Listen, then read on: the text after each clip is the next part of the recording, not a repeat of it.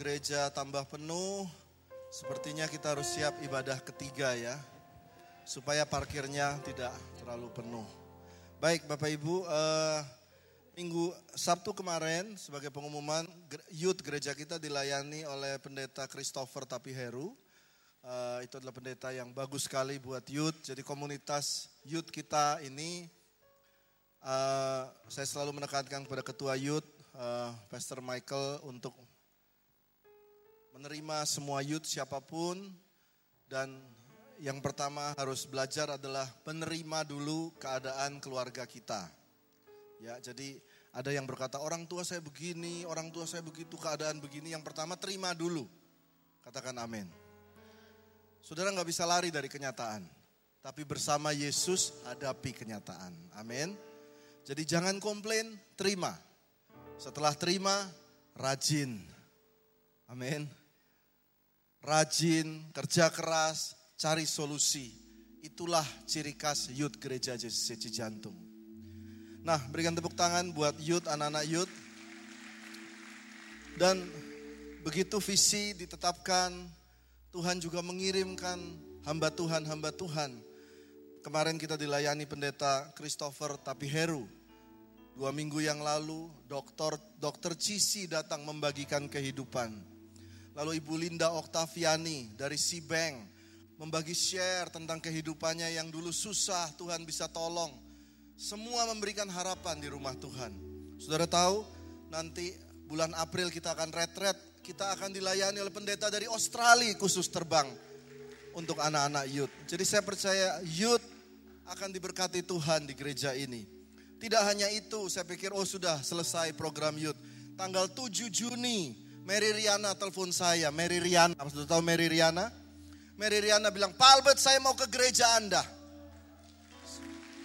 Saya bilang untuk untuk ibadah minggu, Ibu Mary Riana, tidak, saya mau ke youthnya. Terus saya tanya, berapa biayanya? Lalu manajemennya kasih tahu saya, biaya untuk satu kali bicara Mary Riana di BUMN, di seminar-seminar itu 80 juta. Lalu saya bilang, Ibu Mary kan mau ke sini. Izin Bu, biayanya berapa? Ibu Mary bilang, untuk JCC Jantung gratis. gratis ya, nanti saya beliin buah-buahan buat ganti. ya kan saudara-saudaranya gratis, tapi dia kan kenal saya. Masa saya nggak kasih kasih buah-buahan, saya beliin roti dan kue. Nah, berarti saudara tahu bahwa mata Tuhan sedang mengarah kepada youth di gereja JCC Jantung. Mari sama-sama support, Bapak Ibu semua juga support kegerakan anak-anak muda. Oke, baik itu pengumuman dari youth. Dan hari ini saya tugasnya Harusnya sehari ini tidak tugas, harusnya pendeta Jesse Lantang. Tetapi tadi pagi Jesse Lantang khotbah sampai jam 9 selesai. Lalu beliau berkata, Pak saya dipanggil NDC. Jadi dia harus ke NDC, ke BSD. Saudara kalau ke BSD, mampir aja di NDC ada pendeta Jesse Lantang. Di sini pendeta lokal. Oke. The Shepherd. Mari kita bahas The Shepherd, Sang Gembala. Mari kita baca bersama-sama ayat ini berbicara kuat pada waktu tim kami ada di Israel. Kemarin baru kemarin malam kita baru pulang. Mari kita baca sama-sama yuk. Tuhan adalah gembalaku, takkan kekurangan aku. Ia membaringkan aku di padang yang berumput hijau. Tenang. Ia menyegarkan jiwaku. Sekalipun aku berjalan dalam lembah kekelaman, aku tidak takut bahaya. Itulah yang Engkau menyediakan hidangan bagiku di hadapan lawanku. Kepalaku dengan minyak, pialaku penuh melimpah. Kebajikan dan kemurahan belaka akan mengikuti aku seumur hidupku. Dan aku akan diam dalam rumah Tuhan sepanjang masa. Yuk kita nyanyi. Tuhan adalah gembalaku takkan kekurangan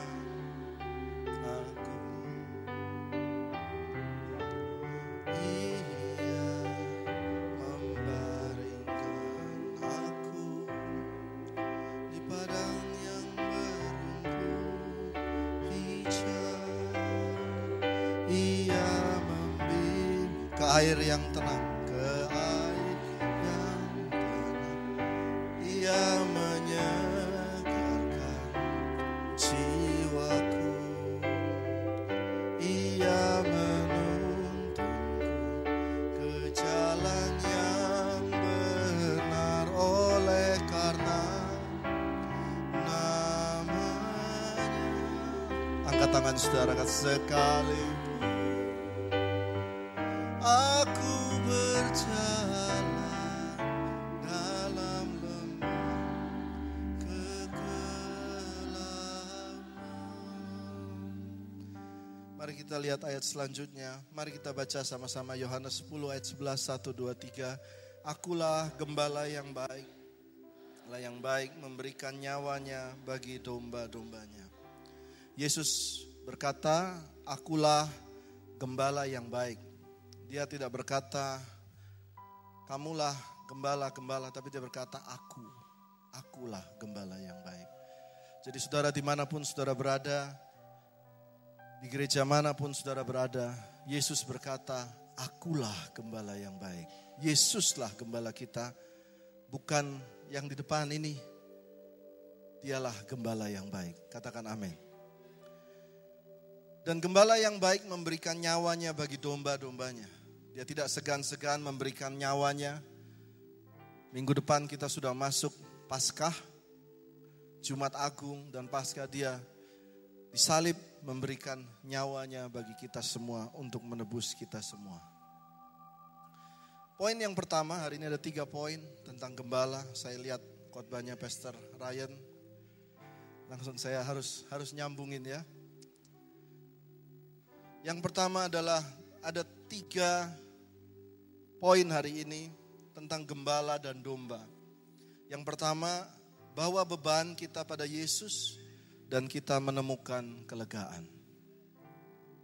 Kita harus bawa beban kita di kaki Yesus dan kita menemukan kelegaan.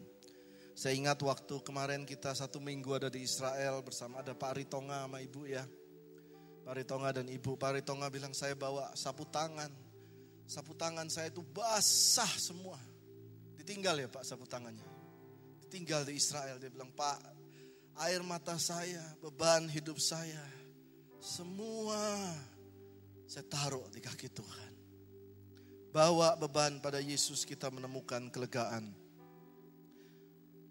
Ada tante saya hari ini datang, Ibu Dokter Gigi Rosa dari Kupang, ya dari Kupang. Kita kasih tepuk tangan dulu buat Dokter Gigi Rosa. Rambutnya biru, saudara. Rambutnya biru, bajunya selalu matching, ke mana-mana selalu foto ya, Bu Nur Seni ya, Hani ya. Hani selalu foto, semua foto di mana pun juga selalu, woo, good vibes. Tapi di hari terakhir, kita tanya bagaimana di Israel. Beliau pegang mic di Israel. Dan beliau nangis habis-habisan. Aku bawa beban pada Yesus. Suamiku meninggal, anakku meninggal. Di mana Tuhan? Dan dia berkata, hanya pada Tuhan kekuatanku. Kita bawa beban pada Yesus. Kita menemukan kelegaan. Mari kita lihat ayat selanjutnya. Matius 9 ayat 36. Melihat orang banyak itu tergeraklah hati Yesus oleh belas kasihan kepada mereka. Karena mereka lelah dan terlantar seperti domba yang tidak bergembala. Mari kita lihat ayat ini ditulisnya tergeraklah hati Yesus oleh belas kasihan. Saudara tahu waktu saudara datang kepada Yesus, Yesus memberikan belas kasihan. Kata belas kasihan itu bukan sekedar kata yang kata oh belas ya kasihan. Belas kasihan itu adalah kata di mana kalau saudara baca bahasa Yunaninya dituliskan dia akan melakukan apa saja asal engkau menemukan kelegaan. He's trying to do everything dengan kapabilitas dia untuk membuat Anda mendapat kelegaan. Karena itu dia sampai rela mati di atas kayu salib buat kita semua. Bawa beban kita hari ini pada Yesus.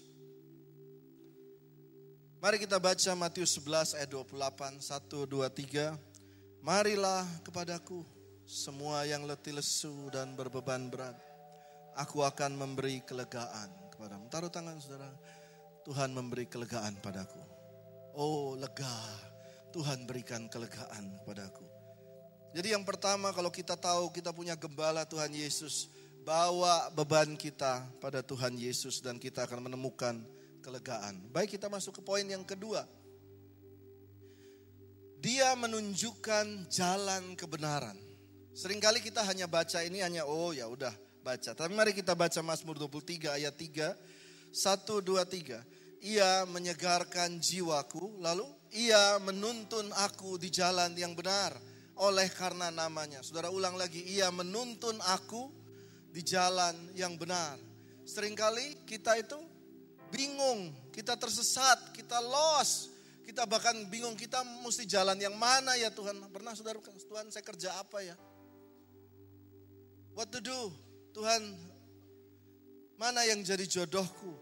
Tetapi kepada gembala kita dia katakan ia menuntun aku di jalan yang benar.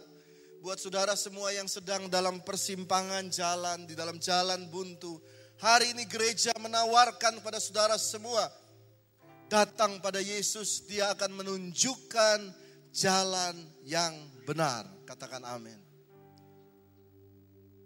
Datang pada Tuhan yang mana? Saudara pikir, ah logika aja, mana yang lebih besar, saya itu ambil yang itu. Tapi ada ayatnya, tanya Tuhan, dia akan menuntun saudara pada jalan yang benar. Mari kita lihat, ini adalah gambar ya. Itu ada, waduh gambarnya blur ya. Itu ada dokter Rosa, Bu Intan, yang tengah itu namanya Bu Ayala, maaf dari handphone, kurang terang. Bu Ayala itu adalah tour guide kita. Dia orang Yahudi. Dia memimpin kita setiap kali kita turun di sini. Dia bilang, oh ini sejarahnya begini, begini, begini. Turki datang, lalu kerajaan Inggris datang, ini perang di sini. Kita dengarnya bingung-bingung. Karena dia punya tujuh bahasa. Lalu, tetapi dia selalu berjalan di depan kita. Saya ulangi lagi. Gembala yang baik itu berjalan selalu di depan kita. Katakan amin. Gembala tidak pernah berjalan di belakang kita. Dia nggak pernah berkata, ayo lu jalan, kalau aku pecut lu, aku pecut lu, ayo. Itu itu nggak pernah. Karena itu ke gereja, ke Kristenan, pelayanan ya, tim PW, Ryan, Feren, tim youth semua. Jangan suruh orang saat teduh, jangan suruh orang datang doa. Kita dulu jadi contoh. That's a true leadership. A true leadership kita dulu. Gak bisa kita suruh orang kasih persembahan atau pengorbanan buat Tuhan. Tapi kita dulu. Buat saudara yang di rumah jadi kepala rumah tangga. Kita dulu jalan di depan. Baru yang lain ikut. Yang setuju katakan amin. Mari kita baca ayatnya. Jika semua dombanya, satu dua tiga, jika semua dombanya telah dibawanya keluar ia berjalan di depan mereka. Mari baca, ia ia berjalan di bukan di belakang mereka. Jadi setelah saudara tanya, Tuhan tuntun saya di jalan yang benar. Saudara lihat jalannya Tuhan Yesus. Lihat dan ikut jalannya Tuhan Yesus. Terus ikut. Saudara tahu ada jenderal polisi yang besar yang diadili kita lihat semua di sosial media. Saya hanya berpikir ya. Pada waktu dia mau ambil pistol itu dan mau tembak. Pasti Tuhan bilang, ikut saya nak. Jalannya Yesus bilang apa? Am, ampuni. Tapi dia pikir jalan kebesaran, jalan kuasa, jalan kekuatan. Aku ikut jalan yang ini dor. Dan selesailah semua. Pada saat-saat genting, ingat ikut jalannya Tuhan Yesus. Katakan amin. Jalannya Tuhan Yesus apa? Me mengalah. Jalannya Tuhan Yesus berkata, ditampar pipi kiri, kasih pipi kanan. Orang bilang, saya ini apa ini, jalan apa ini? Oh, buntutnya pasti Tuhan yang bela. Awalnya kelihatan manusia, kita yang kalah akhirnya jalan. Saya mau tanya, Yesus disalib, dia kan jalan di depan kan? Semua orang satu dunia Bahkan iblis bertepuk tangan seolah-olah dia kalah. Tiga hari kemudian dia bangkit. Orang Kristen dikalahkan, dia bangkit lagi. Dijatuhkan, dia bangkit. Tujuh kali orang benar jatuh. Delapan kali dia bangun. Berikan tepuk tangan buat Tuhan Yesus. Ikut jalannya Tuhan Yesus. Katakan amin. Dia menunjukkan jalan kebenaran. Dan domba-domba itu mengikuti dia. Karena mereka mengenal suaranya. Mari kita lihat Mazmur 26 ayat 3. Saya bacakan buat saudara. Sebab mataku tertuju pada kasih setiamu dan aku hidup dalam kebenaranmu. Lihat baik-baik ayat ini. Sebab mataku tertuju pada kasih setiamu. Dan aku hidup dalam kebenaran. Tadi kan menuntun dalam jalan kebenaran. Lihat bahasa Inggrisnya. Dari Mazmur 26 ayat 3 ditulis. Your constant love is my guide Your faithfulness always lead me. Kata constant love is my guide. Artinya dia menuntun kita dengan kasih. Dia bukan menuntun kita dengan cara militer. Dia tidak pernah paksa kita untuk bertobat. Kita pun berkali-kali jatuh. Dia tetap kasih constant love. Kasihnya tidak berkesudahan. Katakan amin. Jadi dia menuntun kita dengan kasih. Oh, I still love you. Berapa kali saudara berbuat dosa, berapa kali juga saudara hari Minggu datang ke sini. Firman Tuhan selalu berkata, Tuhan mengasihi engkau, Tuhan mengampuni engkau. Karena kata Tuhan memimpin kita sebagai gembala itu ada unsur karena kasihnya yang konstan. Your constant love is my guide. Ini menjadi simbol dan semangat gereja buat tim PW. Menuntun semua tim pelayanan di sini. Semua dengan kasih Tuhan. Katakan amin. Beautiful ya, indah ya firman Tuhan. Poin terakhir. Sang gembala mencari kita. Tadi yang pertama, kita datang pada sang gembala, dia memberikan kelegaan. Yang kedua, kita datang pada sang gembala, dia memberikan jalan. Yang terakhir, ternyata sang gembala juga mencari kita. Mari kita baca Yesaya 53 ayat 6, 1, 2, 3. Kita sekalian sesat seperti domba. Masing-masing kita mengambil jalannya sendiri. Kita semua sering sesat. Mazmur 119 ayat 176 ditulis, Aku sesat seperti domba yang hilang. Mari baca sama saya, carilah hambamu ini. Sebab perintah-perintahmu tidak kulupakan. Kita sesat seperti domba. Saudara lihat gambar-gambar domba ini, ya.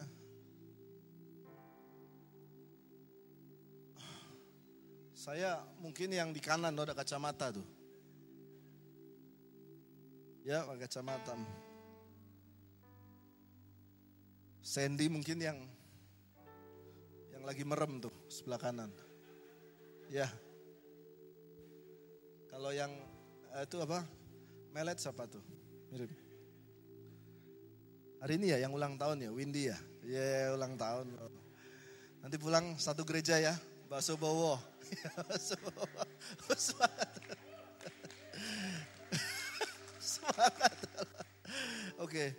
Nah, Domba itu lucu-lucu ya dan unik-unik. Mari kita lihat ayatnya, mari kita baca sama-sama. Saya ingat nih ayat dari Pak Ritonga ya, kita baca sama-sama satu dua tiga. Ketahuilah bahwa Tuhanlah Allah. Dialah yang menjadikan kita dan punya dialah kita, umatnya dan kawanan domba gembalaannya. Kita ini kawanan domba gembalaannya. 200 kali kata domba itu ditulis di dalam Alkitab. Kita itu disamakan oleh Tuhan dengan domba. Kawanan domba gembalaannya. Nah, mari kita belajar satu hal di sini. Kita itu seperti domba yang lucu-lucu ya, seperti ini. Kita ini gemba, domba, kawanan domba gembalaan daripada Tuhan. Saudara lihat miripnya kita semua, ini kita semua waktu di Israel. Waduh ini gambarnya nanti saya ganti ya. Tapi ibadahnya udah habis ya. Ada telat. Ini aduh ngeblur banget. Ya ini kita semua begitu ketemu laut, kita sampai di laut mati, semua bisa ngambang. Wah itu udah nggak ada rohaninya saudara. Termasuk saya, saya udah wah gitu. Jadi saudara kira, oh nanti Pak Albert jalan. Enggak, sama kok. Kita juga domba ya. Sama, saya gitu ngapung teriak-teriak, gitu. gitu ya. Sama semua. Lucu. Nah, domba, perhatikan. Domba harus ada kawanan domba. Dengar baik-baik. Domba yang sendirian paling gampang dimakan serigala. Domba yang sendirian paling gampang tersangkut semak lalu mati. Jangan sendirian menjadi Christian lone wolf, artinya Kristen yang sendirian. Oh, saya paling tahu. Saya tidak mau ikut gereja. Saya berjalan gereja, saya pilih gereja.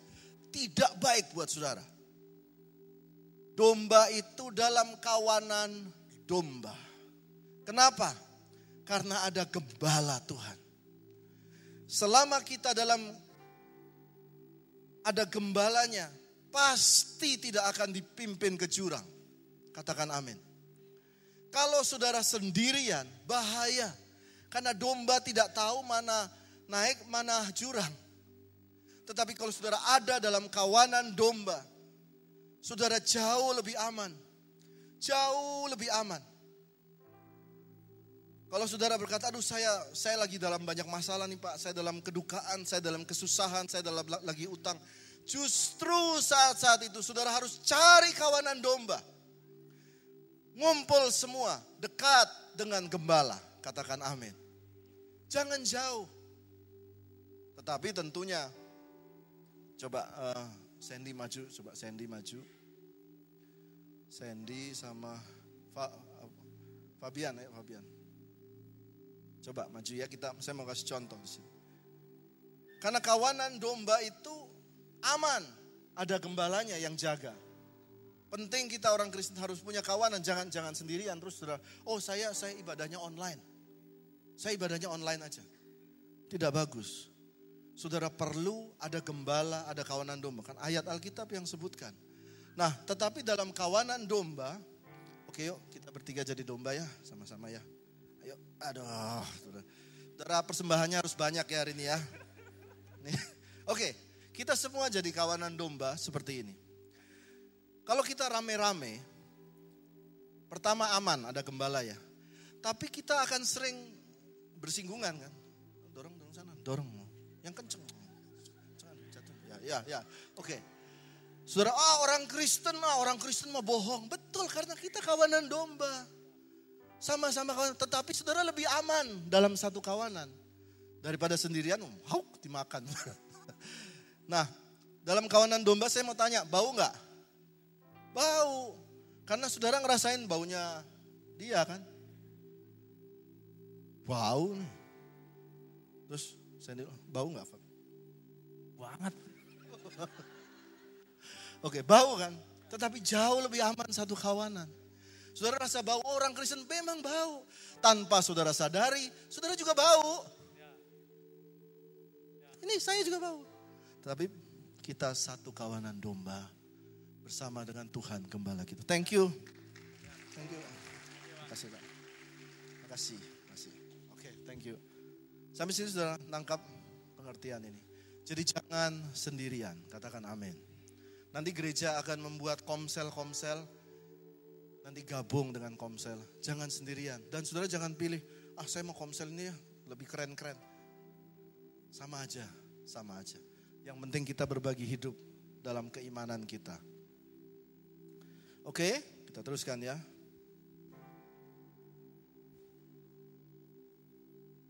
Mari kita baca ayat ini.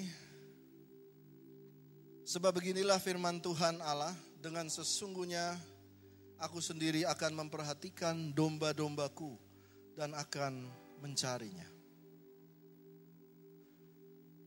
Sebab anak manusia datang untuk mencari dan menyelamatkan yang hilang.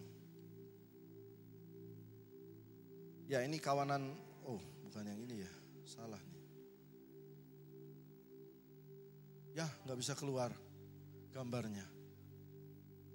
Ada gambarnya nggak bisa keluar? Nggak bisa ya, oke.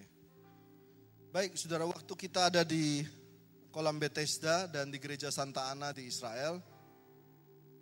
Waktu itu Pak Hani kasih sharing firman Tuhan, setelah itu kita naik ke atas untuk melanjutkan perjalanan ke gereja Makam Kudus tempat Yesus dibangkitkan. Nah pada saat itu Ibu Ayala menghilang. Tour guide kita hilang. Nah pada saat tour guide kita hilang itu saya sebagai uh, pimpinan di sana bingung karena saya juga nggak tahu jalan di sana dan saya mulai lari ke sana kemari dan saya Bu Ayala, Bu Ayala, Bu Ayala, ini China li, ini China li. nggak mungkin dia masa bahasa Mandarin ya. Tentunya saya bahasa Inggris. Bu Ayala, where are you? Bu Ayala, ternyata Bu Ayala ke toilet, toiletnya agak jauh di sana, baru dia kembali lagi.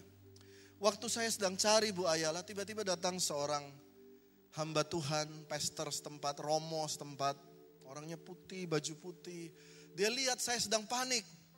Dia pegang tangan saya dan berkata, are you okay? You okay? Dia bilang, ya I lost my tour guide. Saya kehilangan tour leader saya. Di belakang saya jemaat semua. Saya bingung. Lalu dia pegang, don't worry, don't worry.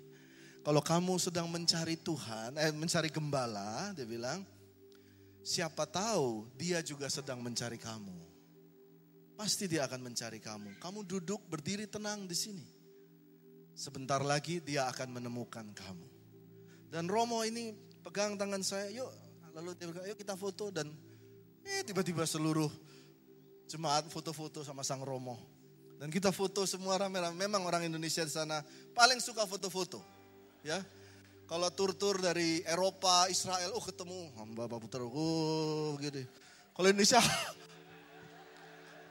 semua gini, luar biasa. Berlutut juga, berlutut juga begini. Luar biasa saudara. Nanti saudara alami sendiri ya nanti di sana. Ada juga yang doa di tembok ratapan. Kolbet, kolbet, titip foto nih. Aku doa dulu, luar biasa. Memang Indonesia adalah negeri pencitraan ya. Jadi sang gembala juga mencari kita. Saudara lihat Sakeus, Sakeus mencari Tuhan, ternyata Tuhan yang mencari dia. Jadi hari ini kalau saudara sedang duduk, bukan kebetulan. Siapa tahu sang gembala sedang mencari Anda. Semoga gambar ini keluar. Gambar terakhir, saya undang tim pemain musik dan singers. Kita sampai di Padang Gembala, saudara lihat ini Padang Gembala, ya saya ada fotonya. Ini Bu Intan sama Bu Vina tempat di mana orang-orang dulu, tempat padang gembala di mana Tuhan uh, malaikat datang kepada para gembala menyampaikan bahwa Yesus lahir. Tempat yang sama ini.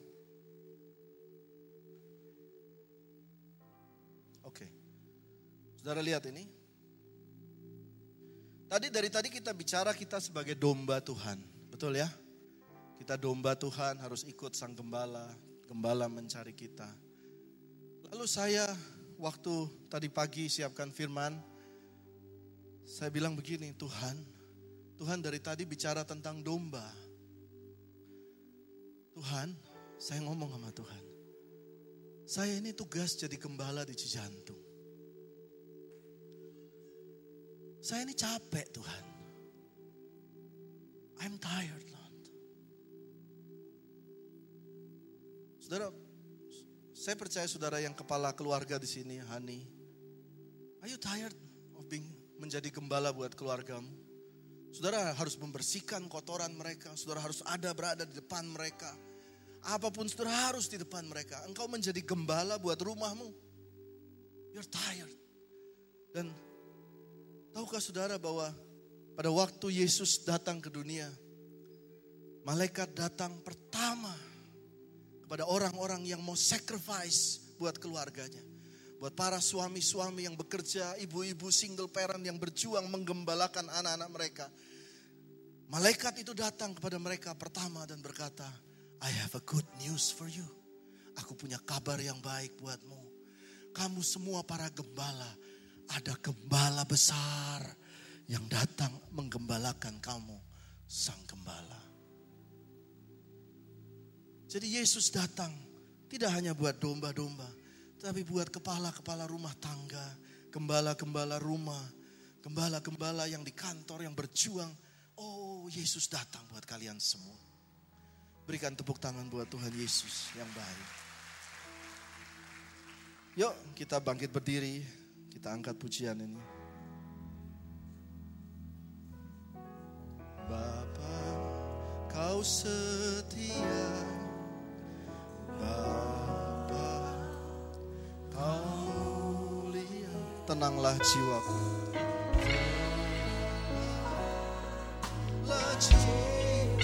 Aman bersama. Aman bersama. Lebih dari harta, kaulah segalanya.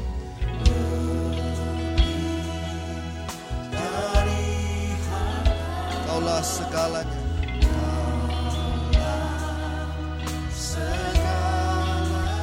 Tenanglah jiwaku.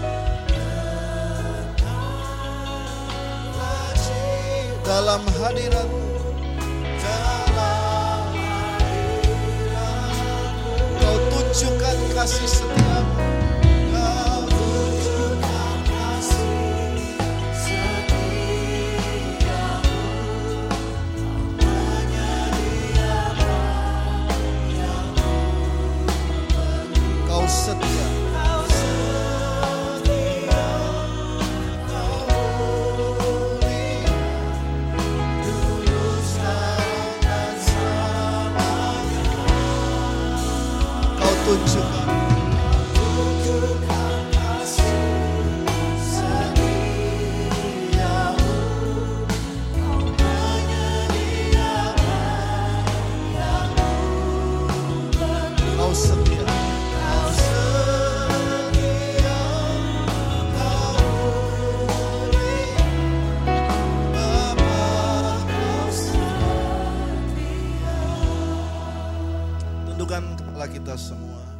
Siapa yang berkata, Tuhan gembala yang agung aku memerlukan kau saudara boleh angkat tangan. Bukan kebetulan saudara datang ke tempat ini, dia juga sedang mencarimu. Tuhan kepada setiap tangan-tangan, we are lost. Kami banyak dosa Tuhan. Kami tersesat, kami kotor, kami perlu Tuhan. Ampuni setiap dosa kami. Pegang tangan kami, tunjukkan jalan kebenaran kepada kami.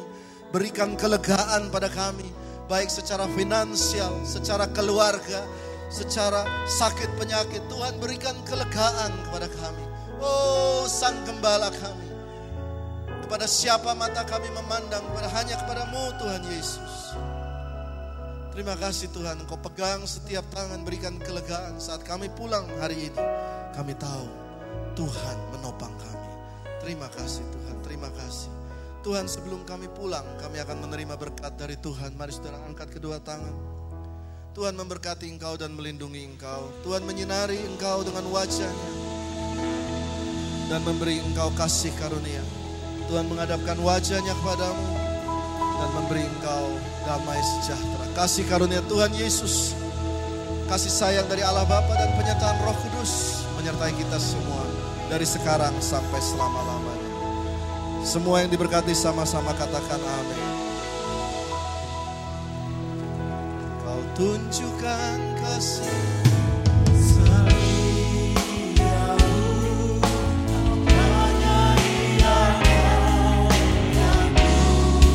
Mari angkat tangan.